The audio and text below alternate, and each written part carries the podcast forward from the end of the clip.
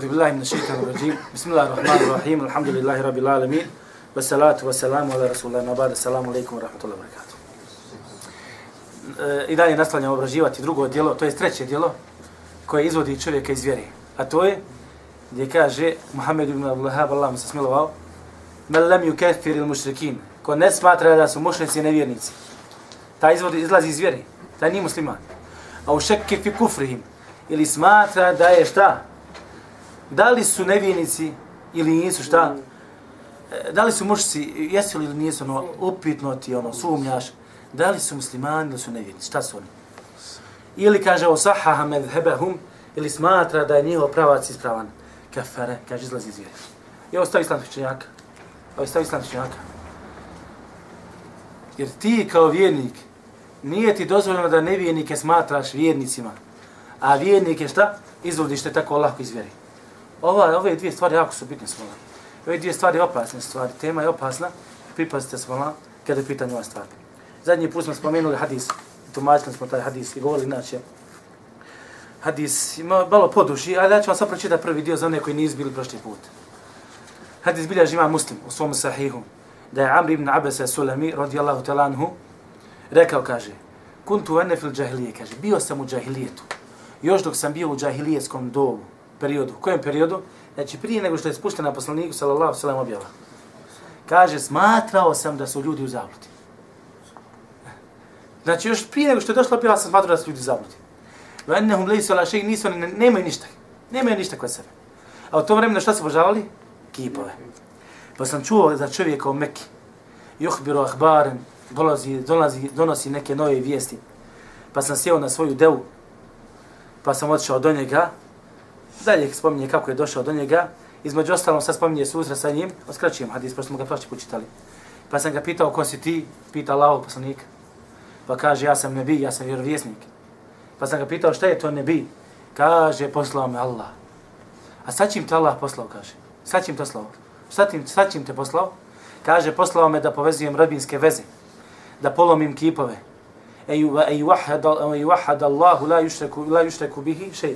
I da se Allah smatra jedan jedini i da mu se ne pripisuje šta? Sudrug. Ko je sa tom kaže slobodan čovjek je rob. Ko je slobodan čovjek?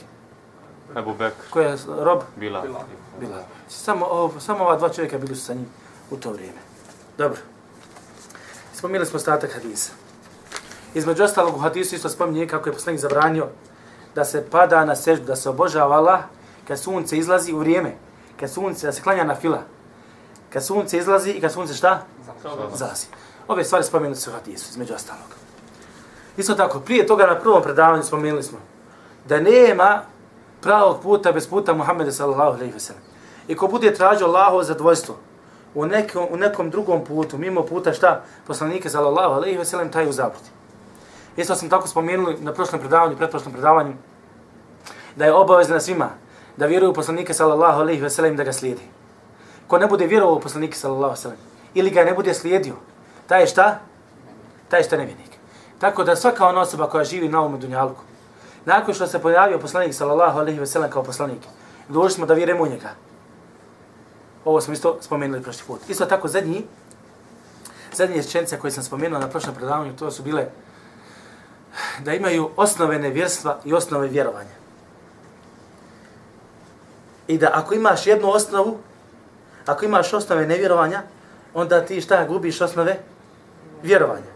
A ako imaš osnove vjerovanja, onda gubiš osnove nevjerovanja i da se osnove nevjerovanja, to jeste stvari koje izvode čovjeka iz vjeri, i osnova vjerovanja, stvari koje uvode čovjeka u vjeru, ne mogu spojiti kod jedne osobe. Ako se spoje, jedno izlazi. Ako si vjernik, ubaciš kod sebe jedan dio nevjerovanja, ti si onda šta? Nevjernik. Nevjernik. Ako si vjernik, nevjernik, i izbaciš tu stvar, ubaciš kod te dođe šta? Vjerovanje, onda si šta? Onda si vjernik. Na primjer, vjerovanje u Allaha kao jednog jedinog Boga, to je osnova čega? Ima. Vjerovanja. Osnova vjerovanja. Vjerovanje da je Isus sin Boži, to je osnova nevjerovanja. Ove dvije stvari ne mogu se spojiti. Ili vjeruješ u ovu, ili vjeruješ u ovu stvar. Ako, u, ako uznevjeruješ u jednu stvar, povjerovao si u drugu stvar. Ako povjeruješ, uznevjeruješ prvu stvar, pa ne uznevjerovao si drugu stvar. Znači, vrat, stvar jasna. Zato muši si. koji su živjeli za vrijeme poslanike sallallahu alejhi ve sellem. Iako, iako su kod sebe imali dosta osnova vjerovanja, dosta osnova vjerovanja, bili su nevjernici kod Allah zato što su imali jedno osnovu nevjerovanja, to je obožavanje nekog drugog mimo Allaha. Smatranje da neko drugi mimo Allaha ima kao šta? Kao Bog. Kao božanstvo. Razumijete? Bez obzira što vjeriš. Čovjek, braćo, može postiti svaki dan, klanjati sto rekata dnevno, hiljadu rekata dnevno. Može davati zekat, davati sadaku, pavzirati rodbinske veze. Kompletnu vjeru imati kod sebe. Ali samo ako ima jedno dijelo kod sebe koje ga izvodi iz vjeri, on je nevjernik. Razumijete? Samo ako ima kod sebe jedno dijelo koje ga izvodi iz vjere, on je nevjernik. Ove stvari mu ništa neće koristiti. Zašto? Zato što nas je Allah subhanahu wa ta'ala obavijestio da mu je habit amelu, da mu je propalo njegovo djelo. Da mu je popalo, propalo njegovo, njegovo djelo. Va me yekfur bil imani faqad habit amelu. Ko, jest ovaj sam, ajde svoj traži. On je sve na Ko kaže ne vjeruje u iman, ko ne vjeruje u iman, faqad habit amelu propalo mu je djelo. Šta znači ovo ko ne vjeruje u iman? Znači, neka se kod tebe nađe samo jedna stvar koja ti narušava iman, propalo ti je djelo. Razumijete? Propalo ti je, propalo ti je djelo. Allah. Dobro. E, uh, vraćam vas malo na onaj dio hadisa gdje je poslanik sallallahu sallam zabranio ovom ashabu da klanja kad izlazi sunce i kad zalazi sunce. Šta znači ovo sve Gledajte, čovjek dođe, Pada Allah subhanahu wa ta'ala na seždu, klanja dva rekata na file, namaza. Pada Allah subhanahu wa ta'ala na seždu. Robuje Allah gospodaru svjetova. I samo u tom ibadetu gleda Allah subhanahu wa ta'ala lice Allaho zadovoljstvo, ali zabranjuje se taj ibadet u ovom vremenu. Razumijete? Zašto? Zato što je. Zato što dva ro, izlazi sunce između dva šetanska roga, ali to, to što na drugu stvar. A prva stvar je, zato što je to, šta? To je jedan vid ibadeta i robovanja koji posvećuju, koje, on je mušnika koji posvećuju svoje robovanje kome? Suncu i mjesecu. Zato što je to vrijeme kada su ljudi koji obožavaju sunce i mjesec, skupine ljudi, koji obožavaju sunce i mjesec, obožavaju upravo u tom vremenu. Pa je subhanahu ta'ala poslanik sallallahu alejhi ve sellem zabranio ovome čovjeku da klanja tada. Zašto? Zato što ti ostaviš šta? Klanjaš kome? Kad gledaš ovako sa strane, može neko pomisliti da klanjaš kome? Suncu ili mjesecu. Iako iskreno radi Allaha, subhanahu ta'ala, zato što ljudi mogu imati pogrešno šta? Mišljenje. I zato što to može narušiti tevhid u, u razumijevanju same osobe, samog djela, u razumijevanju samog djela i kome je to djelo pripisuje i kome se to djelo znači, posvećuje, poslanik sallallahu alejhi nisam zabranio je, zabranio je to djelo subhanahu. Zašto? Sve ovo radi tevhida, radi Allaha jednoći. Da ljudi ne pomisle da ti šta? Padaš sa sežu nekom drugom ima Allah. Prva stvar, druga stvar, da tvoja djelo, da tvoje djelo nema oblik djela mušnika i nevjernika. Mi našim djelima, znači, želimo čak i fizičkim načinom da se razlikujemo njihovi naši ibadeti, želimo da se fizički razlikuju od šta? Od njihovi ibadeta. A ako se spoje fizički nekako isto tu su negdje, onda se pravi razlika u vremenu. Pravi se razlika u vremenu. Razumijete? Tako da ova vjera došla čak sa stvarima koje u osnovi ne bi trebalo biti, ne bi, ne, ne bi trebalo da su zabranjene ali je vjera zabranila zbog sličnosti drugih vjera. Razumijete? Zato učenjaci kažu, na primjer, sad ćete najbolje shvatiti kroz ovaj primjer. E, kažu, čovjek ne treba da robuje Allahu subhanahu wa način koji je inače propisan šarijatskim dokazom, jasan način, propisan na, ne, na mjestima ili vremenu ili prostoru gdje, gdje utiče ili, uh, ili dobiva, do, ljudi dobivaju sliku da ta ibadet šta? Da taj ibadet nije neko, da je taj ibadet nije posvećen Allahu, nego nekom drugom mimo Allahu. Kako na primjer? Na primjer, sutra. Čovjeka klanja treba da ispred sebe stavi sutru, nešto da stavlji, i ispred, između njega i sutra ne treba ništa da prolazi. Je tako? Od suneta da se uzme sutra. Hoćeš ti saklanjati prema drvetu, prema stubu, ili prema zidu, ali uglavnom ispred tebi nešto treba da bude, je tako? Međutim, kažu ženjaci, međutim, kaže, ako bi se nalazio u mjestu, gdje ljudi obožavaju nešto to što ti hoćeš da uzmeš kao sutru, ne smiješ to uzeti kao sutru. Razumijete? Pa, na primjer, poznata stvar za vrijeme poslanika, sallallahu alaihi sallam, da su neki mušnici obožavali drvo. Ima čak se drveće obožavali. Da, danas imaju to, ali ne bi zna. Obožava drvo. I sad poznato neko mjesto gdje mu ljudi prilazi i obožavaju ga. Znate za drvo zato on mat? Čuli ste vjerojatno. Nije bitno doći to. I sad svi idu ka tom drvetu i padaju na seždu. I dođeš ti sad kažeš, e, ode ja da klanjam na filu. E, ti bi mogu da klanjam. Treba, treba mi sutra i vidiš to drvo. E, ode tu da klanjam. Kažu šejaci, ne. Ako će drugi pomisliti da ti kroz tvoja, tvoja rekata ne obožavaš Allah nego to drvo, ne smiješ to raditi. Ako ne znamo da je to... Druga stvar, ako ne znaš, ne, da nije, ne mogu te ne, ne optereti sa tim. Ako ne znaš, klanjaš, uzmeš kao drvo, kao sutru, odreš dvije, bilo šta. Međutim, ako je poznata stvar da se drvo obožava, nemoj ići ko, na, ko ispred tog drveta i, oboža, i obožavati Allah ispred tog drveta. Razumijete? Obožava se kamen, negdje kamen se neki obožava. Nemoj sta, uzeti kamen taj kao sutru. Učenjaci kažu, ako prevladava mišljenje, ako prevladava mišljenje, da će ljudi pomisliti da ti obožavaš drvo ili kamen, ne Allah, gospodara svjetova, nemoj to raditi. Jako bitna stvar. Jako bitna stvar. Inače, uzimanje sutre kao sutre, šta? Dozvoljeno. Čak što više šerijatom, poželjno. Poželjno mi da uzmem kao sutru, kao šta? Šerijatom, kao šta? Kao eh, za, kao za sutru, kao što je drvo, kao što je kam, bilo koja druga stvar. Ali ako će ljudi pomisliti da ti kroz tu sutru obožavaš tu sutru, nemoj to da radiš. Nemoj to da radiš. Traži neku drugu stvar. Pogotovo interesanta stvar ako imaš ogromna šuma. Šuma ispred tebe čitava. I samo se jedno drvo obožava, ti ideš baš na to drvo. Razumijete? Nema smisla, nemoj to raditi. Allah. E zato poslanik se osvrame zabranio da padamo na seždu Allah, gospodaru svjetova, kad izlazi sunce i kad zalazi sunce. Pa makar tu većina ljudi ne znala. Vidim interesantna stvar. Pa većina ljudi, evo ko sad od ljudi zna, na primjer, da, da sunce izlazi mi dva šetanog roka? Razumijete? Ko, ko razmišlja od običnih masa, običnog svijeta, masa obične, da, da ljudi, ko, da oni stvorenja, da oni ljudi koji obožavaju sunce, da su to dva vremena kada izlazi, šta? I kad zalazi. Nikad o tome niste razmišljali. Ali ne da bi se zaštitila Allahova jednoća, vjerovanju Allahova jednoću, ne. Pa čak su malo, pa čak kažu i kad, kad bi vidljivo bilo da on ne klanja suncu. Šta znači vidljivo bilo da ne klanja suncu? Na primjer, jedna je stvar kad, ti, kad je tebi kibla u smjeru gdje izlazi sunce. Ili u smjeru gdje zalazi sunce. A druga stvar kad je kibla u smjeru gdje ne zalazi sunce, ne izlazi sunce. Čovjek se okrene prema sjeveru. Razumijete? Da li bi pomislio uopšte, da li će ja pomisliti da obožava sunce? Međutim, ne. Došla su ova dva vremena gdje je zabranjeno šta? Da se pada Allah subhanahu wa ta'ala na seždu kao na film. Uh, jer vidite, mi govorimo o tome kako trebamo smatrati nevjernike nevjernicima.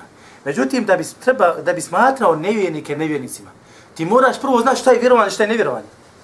Šta znači ući u tevhid, šta znači ući u nevjerstvo.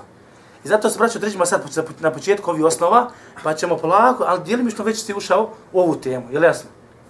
Uh, gledajte ovo. Kada Thabtim Duha, Ibn Duha kaže, nadar, ne, uh, kaže, zavjetovao se čovjek, ne nahra i bile bi buvane, da će, kaže, zaklati devu na mjestu koje se zvalo buvane. Je li ima problem da se zakonje deva na tom mjestu, braćo? Ja vas pitam. Trebalo bi da nema. Trebalo bi da nema. I ti bi odmah zaklal, tako? Hmm. Ne znamo šta je prije na tom mjestu bilo. I gledaj sad ovo, interesantna stvar. I sad čovjek odlazi kod poslanika sallallahu alejhi ve sellem pita ga propisu. Kao Allahu poslanice, zavjetovao sam se kao Allahu, zavjetovao sam se Allahu da ću zaklati devu na tom i tom mjestu. Pa ga pita poslanik sallallahu alejhi ve sellem, "Hel kana fiha vathan min awthan al-jahiliyyah jahiliyyah yubad?" Da li je tu u džahilijetskom, paganskom dobu bio, kaže, kip koji se obožavao? Kažu oni njemu ne. Da li je tu bio neki praznik, njihov praznik? Da li se tu prazničilo, znači? Kažu ne. Kaže mu poslanik sallallahu alejhi tek nakon toga ispuni svoj zavjet. Razumijete? Ispuni svoj zavjet. Što znači tamo gdje neko obožava Allaha, ne, tamo gdje ljudi obožavaju svoje obožanstva na nekom mjestu, na mjestu gdje kolju i prinose žrtve, tu, tu ne smiješ prinositi žrtvu Allaha, gospodar svijeta. Ovo isto ova stvar što sam spomenuli.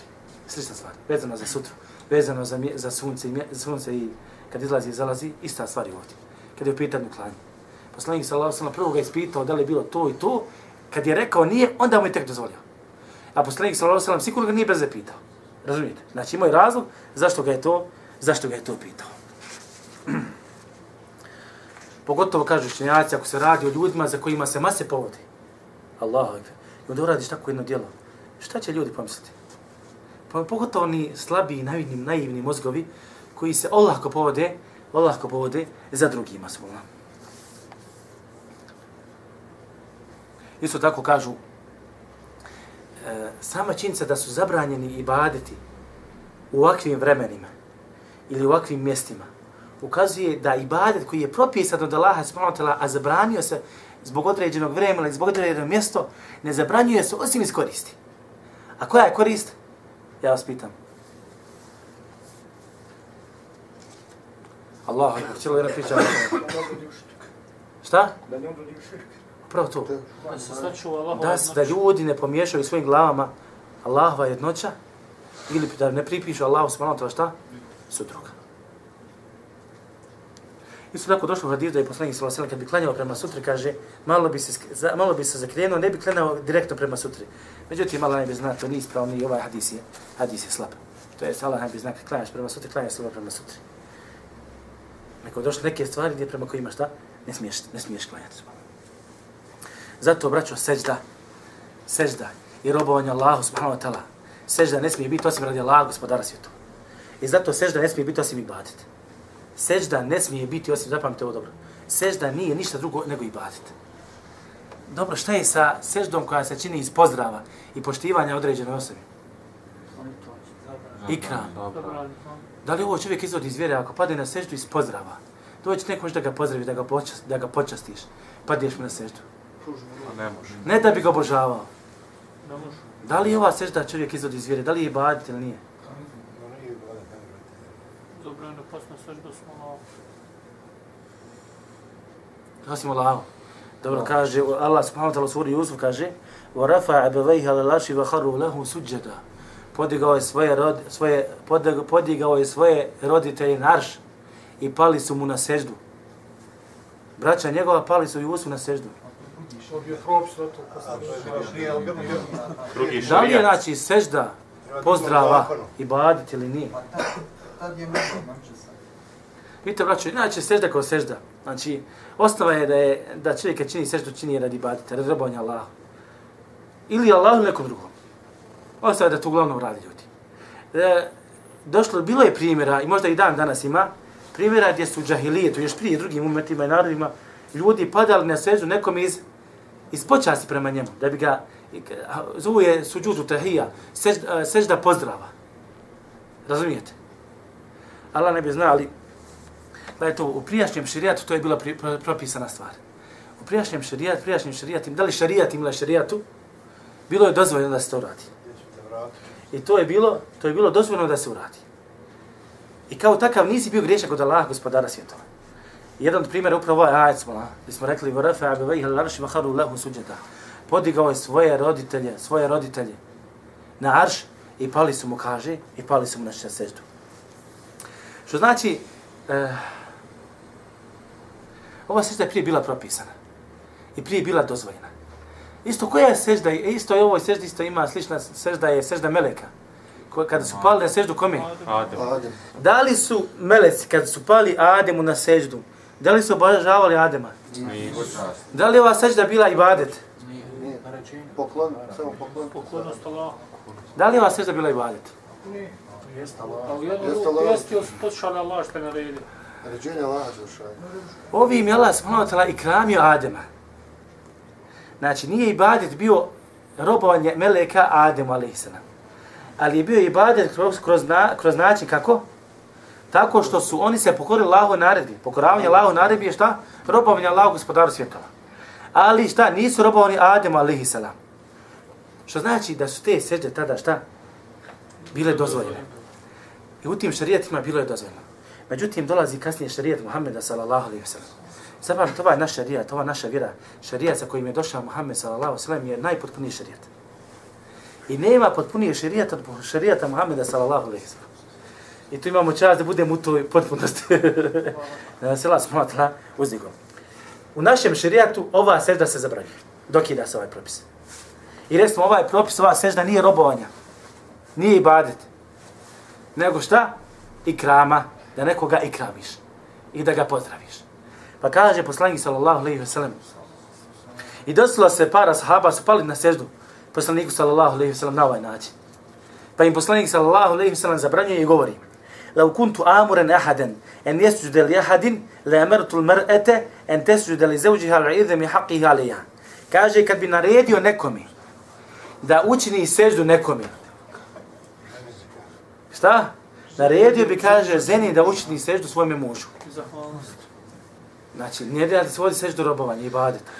Nego kaže, zbog velikog prava koje god ima kod njih. Zbog velikog prava koje god ima kod njih. S ovim hadisom dotik dokinuta je ova sežda. Ova vrsta sežde. Što znači da ostaje samo jedna sežda. Sežda koja šta? Pripada Allahu subhanahu wa ta'ala gospodaru svjetova. Kaže Allah subhanahu wa ta'ala, koliko ljudi smo ove stvari ne znaju. Fesjudu lillahi wa'budu. Padajte Allahu na seždu, obožavajte ga. Kaže Allah subhanahu wa ta'ala, Vesjud vaqatari. Padaj na seždu i približavaj se, naravno, sa svojim, sa svojim robovanjima. I znači, rekli smo, znači, ovaj, ovaj, ovaj zadnji šarijat je, znači, š, potpun šarijat. Najpotpuniji šarijat.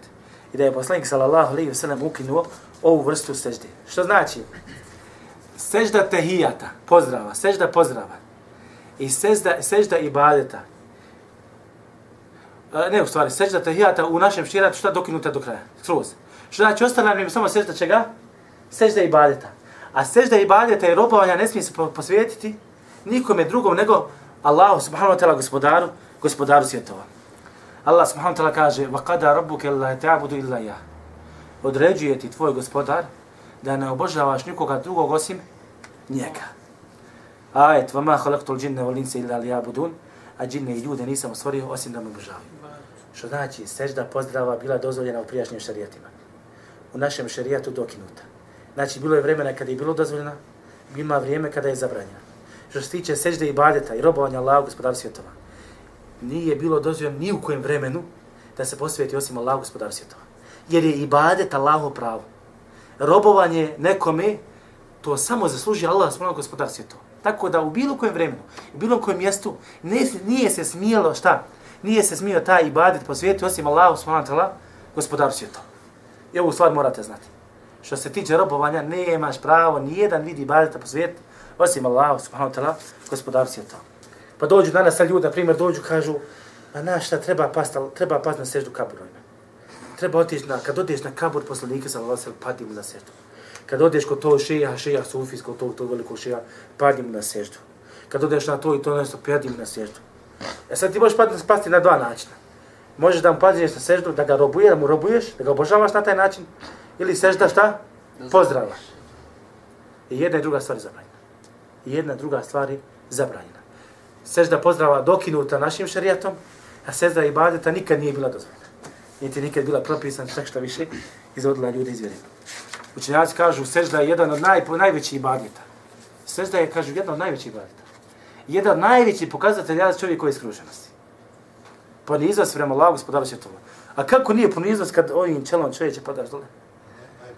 Zaista, to kad, kad zamisliš neki položaj tijela, nema Ja ga ne mogu, ja ne znam, ne mogu ga skontati. Kako, šta ja to trebam, kako se trebam postaviti fizički, da ja izgledam poniženije, poniznije, nego kad se nasrećti. Stvarno nema te stvari. Razumijete? I zato Allah smutala traži nas tu stvari. Mi smo se ponizili, a istovremeno smo se šta? Uzvisli. A ovi danas oholo hodaju, uzvisuju se, ali će nas u njom dan da se ponizi. I to kako će Allah poniziti? Kako će lepo nizma? Braćo, čuvajte se na vjerstva svojom. Čuvajte svoju vjeru. Čuvajte svoju vjeru svojom. Zato činjaci kažu, ako vidiš čovjeka da osnova je da čovjek koji pada na seždi je nevjernik. Nekom drugom ima Allah. Ali ako kaže smatraš ili gledaš ili imaš znanje, neko znanje da je on tu seždu učinio radi tehijata, radi pozdrava, onda kaže, objasni mu propis. Objasni mu propis, nemoj ga izvoditi iz vjere. Gledajte sad ovo. E, dobro, dešava se to. Zna se da je zaista da čovjek padne nekome drugom mimo lavu na seždu iz pozdrava. Međutim, imate i badete koji, se ne, koji ništa drugo nisu nego samo i badete. Uvijek si badete. Naprimjer, tavaf oko kaburova. Da li to ima pozdrava? Ali daj bi zna, tu nema pozdrava, razumijete? I uglavnom ti tavafi su šta građeni na, na ibadetu na širku. Razumijete?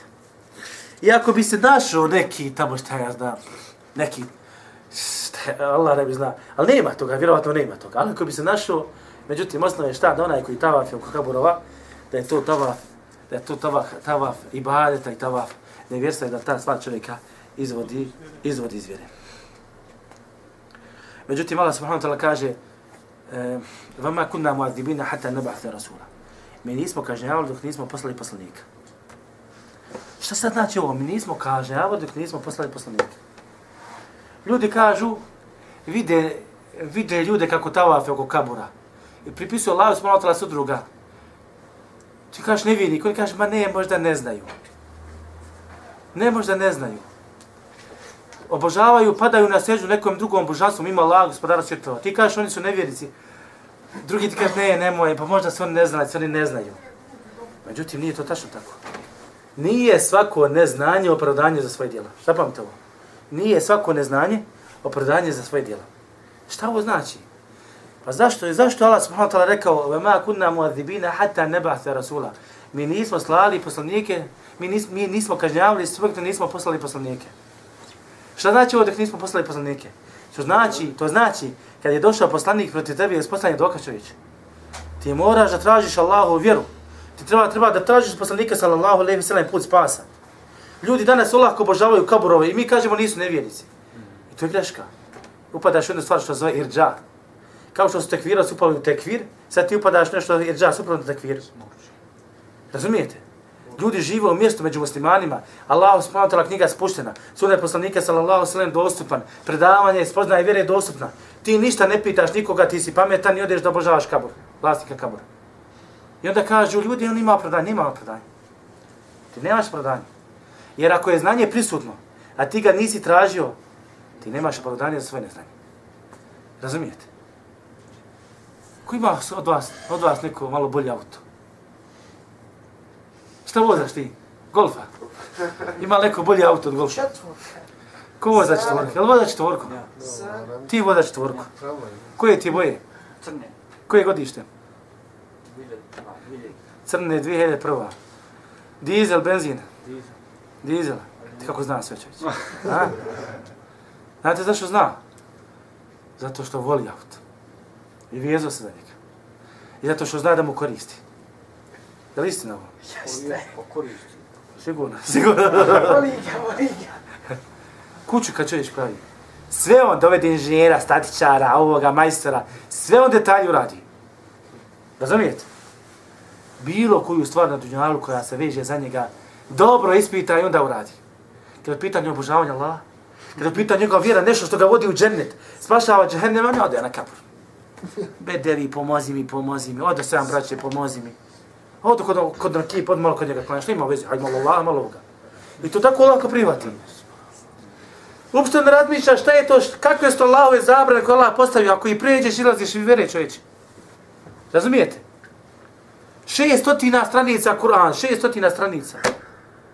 Tamo pročitao eh, Cipelići, Noričići, tamo, eh, mnoge, mnoge knjige, čita živo, čita, čita. Pitaš ga, a da li ste pročitao Allahovu knjigu? E, ima mi, kaže, no, i gore umojtano u peškir. I to je njegov najviše, najviše to što odgovori. A zamisli, a zamisli da ga pitaš da li si pročitao Kur'an nekoliko puta. A kako će se on, kako će se ja povod za Allahom uputom nisam nikad pročitao, ne znam šta je pa. Hudan lil mutaqin. Čita ono, dosta muslimana znaju onu prvu stranicu. Alif lam mim zalika alkitabu la rayba fi hudan lil mutaqin. Ovo je knjiga nema u koju nema nikakve sumnje. Usponi Hudan lil mutaqin, uputa za one koji su bogobojazni. I ti sam pričao da je stranici maša, ali uputa za bogobojazni. I onda zatvoriš. Ne može čovječe. Ne možeš. Allah me će te pitati. I zato neznanje nije opravdanje. Neznanje nije opravdanje. I tvoje neznanje odvešće te u džehennem. Tvoje neznanje odvešće te u džehennem. Allah subhanahu wa ta'ala spušta, pustio toliko, poslao toliko poslanika. Poslao toliko knjiga. Uh, subhanallah, toliko učenjaci su toliko godinama, već godinama pišu velika kapitalna djela, ti čitaš romane. I onda kaže, pa dobro nisam znao. Allah mi nemaš prodanja zašto znam. Vjerujem mi, bit ćeš bitan. Protiv tebe je uspostavljen dokaz. Protiv tebe uspostavljen šarijatski dokaz. Allahu akbar. Znači, što smo rekli, rekli smo što se tiče tavafa, znači, nema tavaf pozdrava. Taj Allah ne bi zna, to, ta situacija ne postoji. Uglavnom, tavaf koji se radi, radi za šta? Radi obožavanja toga oko koga ti tavafiš. Pa ona oko koga tavafiš, ti toga i obožavaš. Ti toga i obožavaš. Allahu Akbar. Isto tako Allah subhanahu wa ta'ala u Kur'anom govori o pričama i događajima. Šta je to što šta je to šta je sve to što su proživjeli vjerovjesnici i poslanici? Šta su doživljavali oni koji su slijedili poslanike? Šta su proživljavali oni su koji su nevjerovali u Allaha gospodara svjetova? I kako su se prostavljali Allahu subhanahu wa ta'ala vjeri?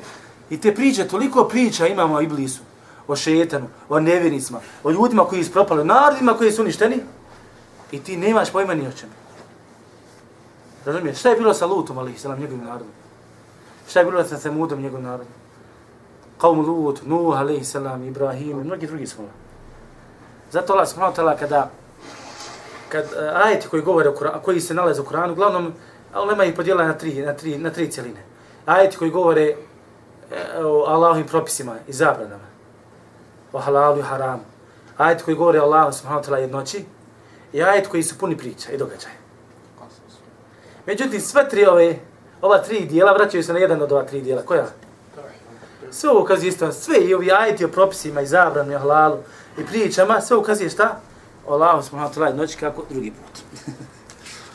I zašto? Pa da ti čovjek uzmeš pouku. Da ti čovjek uzmeš pouku sa Allah. Allahu akbar. Gledajte, na primjer, ovaj beduin, ovaj čovjek koji je bio u pustinji.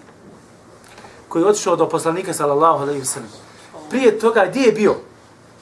Bio u pustinji čovječe. Ljudi se nalaze u gradu. Ispred njega centrala neka mekteba, biblioteka, islamska mekteba, oko njega džamije, oko njega predavanja, islamske knjige, sve oko njega, a on ništa ne, ništa ne uči, ništa ne radi kada je u pitanju šta, spoznaja njegove vjere. A Beduin došao iz pustinje čovječe. Do, kad je čuo za poslanike, sallallahu alaihi sallam, na jahalici, nije u Mercedes paša, na devi, i otišao do Muhammeda, sallallahu alaihi sallam, spoznao vjeru. Razumijete? I kaže, ima prodanje za znanje. Ne imaš prodanje za znanje. Pazi, pazi svoj vjeru. Zašto ovaj Beduin iz pustinje odlazi do Muhammeda sallallahu alejhi Zato što ima fitr prirodu. Šta je rekao u hadisu? Bio sam u džahalijetu, smatrao sam da su ljudi šta? U zabludi. Allah, to je smiješna stvar šta, šta ljudi obožavaju. I ako imalo uključi svoj razum, da stati. I zato ovaj Beduin uključio razum. Nije se pobao za budalama. Gdje svi, puno budala ima, pa kaže moram ja biti budala. Ne moraš biti budala. Ti budi dalje pametan čovječ. Budi dalje, i dalje pametan. Zato što kaže volio vjeru u svojoj duši i volio hajr. I zato što je volio hajr, krenuo je za njim. Krenuo je, krenuo je za njim. I zato vraćam se na hadis Veledi nefsi, veledi nefsi bijedi. Tako mi onoga učio ruci, moja duša. Neće još kuti za mene ni kršćani, ni židov. A nakon toga šta? Ne povjerovati u mene da neće biti stanovnika vatri. Šta je rekao poslanik u hadisu? Neće šta? Čuti. Čuti. Onaj ko čuje samo za poslanika, za vlastine, protiv njega je uspostavljen dokaz. Znači, nije cijelokopni dokaz. Nemojte sad ono, smatra čovjek, kad čuje za poslanika, sa vasila mora da čitao šarijat. Nije. Ali dužan se da saznaješ da tražiš nakon toga. Šta smo reći, rekli, šta znači čuje za poslanika? Prošli put. Pa zna da je poslanik, ne da je samo čovjek neki običan. Da zna da je Muhammed Allah poslanik, ne da je inženjer, da je e, mislio se neki, da je političar, jaki, vojskovođa.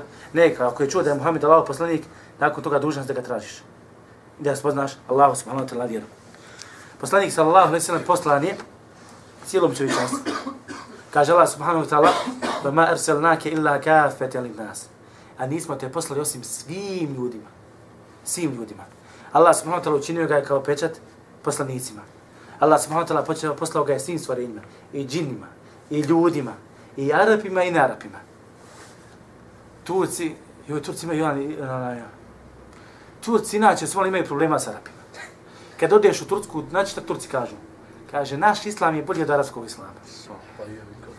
A Arapi? Pa zato što su Turci ovdje bili, razumijete? A Arapi govore, kaže, naš islam je bolji od turskog islama. A naša to ulema govori, naša ulema. A mi kažemo, islam je jedan. pa koga spozna, spoznao je. Koga slijedi, slijedi ga. Razumijete? Međutim, on se postavi pitanje, E, ima puno šerijatskih tekstova, puno hadisa, jajete koji govore o tome da je Allah subhanahu wa poslao Muhammeda alejhi svim ljudima i džinima i ljudima i cijelom čovječanstvu. Zašto baš toliko hadisa koji govore ukazuju na tu stvar? Pa da ne, da ne neko se prisvojio nekom narodu da kaže poslan samo Arapima. Pa možda može biti i dokaz, ali nisam mislio na to stvar. Pa da ga svi slijede. Zato što su vjerovjesnici i poslanici koji su slani prije, bili slani kome? Narod. Svome narodu. Određenim narodom, razumijete? Semud je bio poslan kome? Svome narodu. A, ću mene Semud, Semud je narod.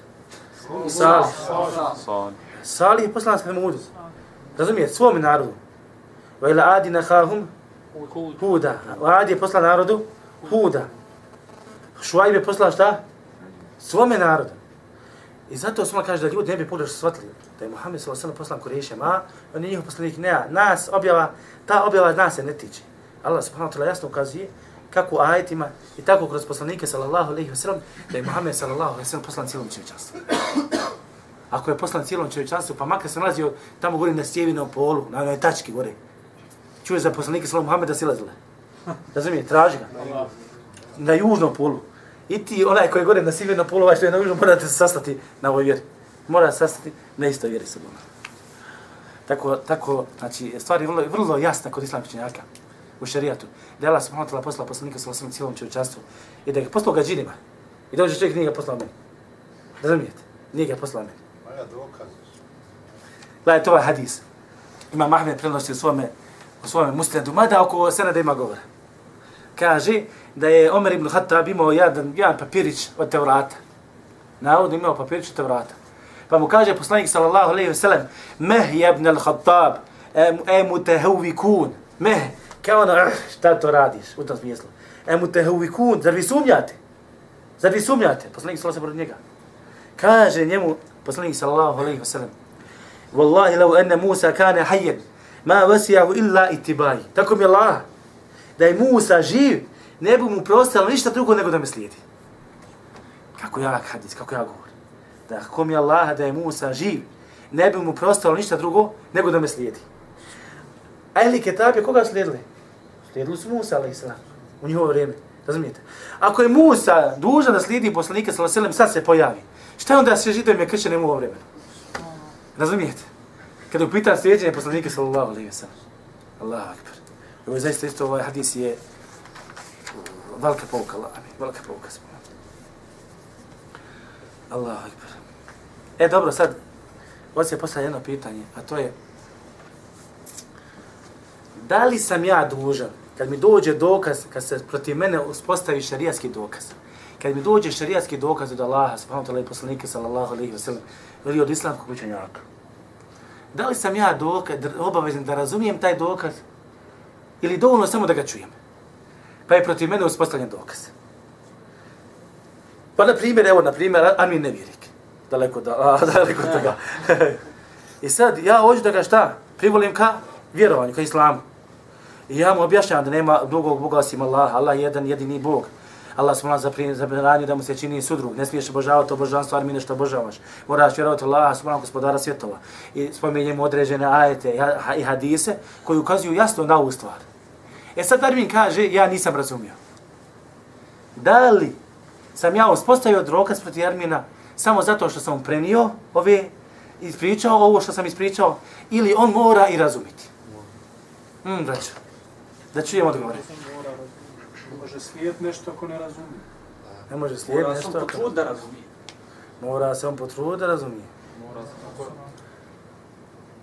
Koji je Mora se razlog da ne razumije? Dajte. E, e, ti si, Čuo, evo. Ti si načeo dobru temu. Da li si od onog koji dostavlja vjeru, da li mu je dostavio? Dostavio sam ispravno. Dostavio sam ispravno. Evo, Arminu sam dostavio ispravno, sve sam mu, sve sam objasnio kako treba, na najljepši mogući način. Nakon toga opet Armin kaže, ja ne razumijem. Nije do tebe onda. Da li, da li je protiv Armina uspostavljen dokaz? Pa jes. Da, jesu. Jeste, braćo. Znači, ne uslovljava se razumijevanje. Uslovljava se šta? Kad kažem ne oslovljava se razumijevanje, nemojte vam pogrešno shvatiti. Ispravno je mišljenje da se, da se uslovljava šta? Uspostavljanje dokaza na onakav način da onaj koji sluša taj dokaz, ako hoće da ga razumije, može ga razumjeti. Ukoliko hoće da ga razumije, može ga razumjeti, pravo sam protiv njega uspostavio dokaz, pa makar on i rekao šta ja ne razumijem. Znači, ukoliko sva vjera dostavi na jasan način i pojasni se na ispravan način, ako čovjek kaže ja ne razumijem, protiv njega uspostavljen šarijetski dokaz. Razumijete?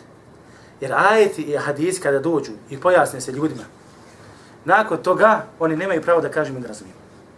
Ako se, ako se pojasne na način da se može razumiti, znači na realan način, ne govorim o nerealnim stvarima. Na primjer, dođem Arminu i kažem Armije ne moraš vjerovati u Allaha, a samo ovo ispriču na japanskom jeziku. Normalno će reći ne razumijem. Ali ako sam mu rekao moraš vjerovati u Allaha, ima li pravo da mi kaže ne vjeri, ne razumijem? Nema pravo. Nema pravo. Na bosanskom je sad nije. Nema pravo. Uspostavljen dokaz protiv njega. Razumijete? Uspostavljen dokaz protiv njega. Zašto? Kažu, zato učenjaci kažu zašto?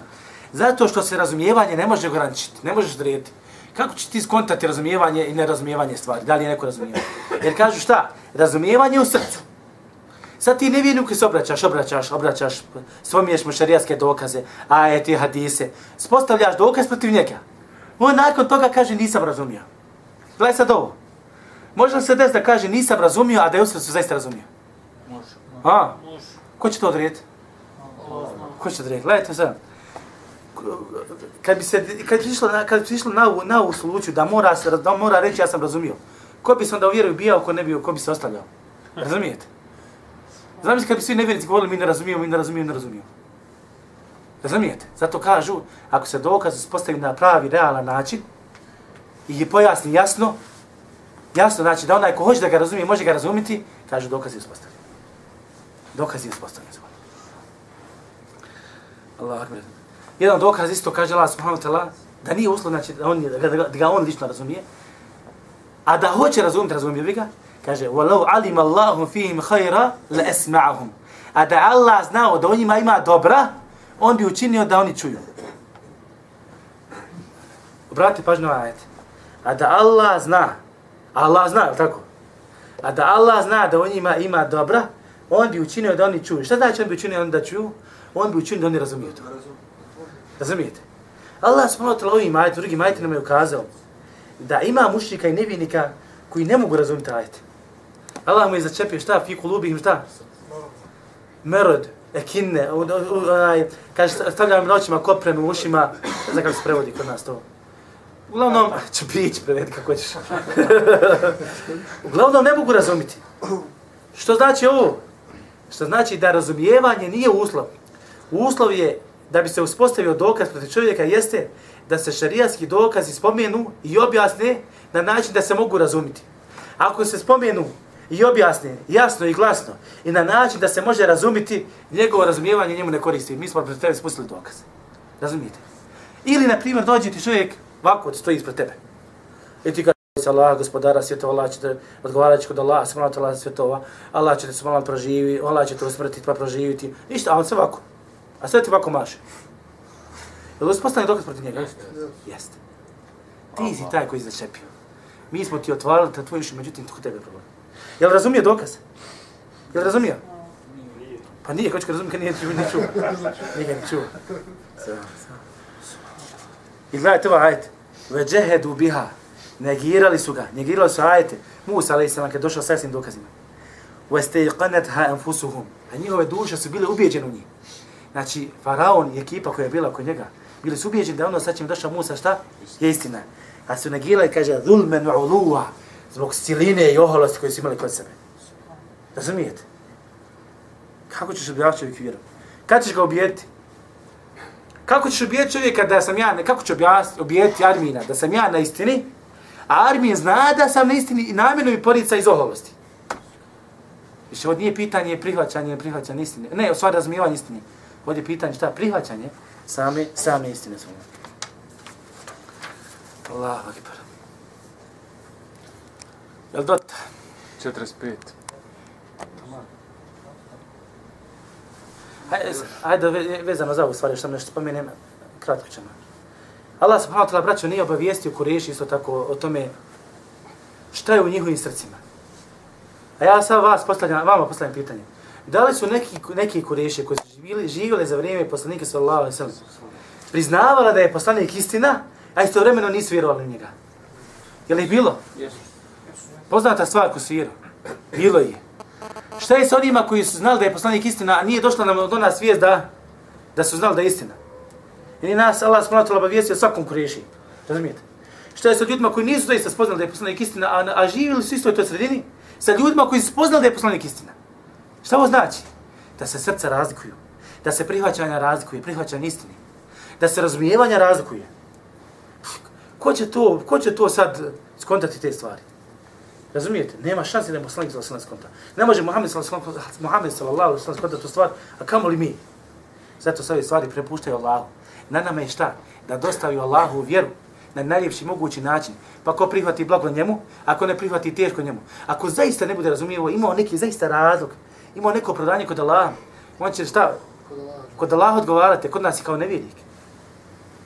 Neka čovjek može biti šta?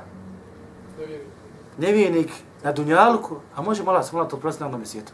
Na ovom svijetu ima propis nevjernika. Ne znam o tebi ništa. Ne povodiš sa ovom vjerom. Ili imaš, nismo čuli za tebe. Ili, na primjer, ljudi u Africi čovječe, nikad nisu bili muslimani. Tamo neko pleme u zabiti, daleko, nikad nije čulo za islam. Kod nas na dunjalku ima propis.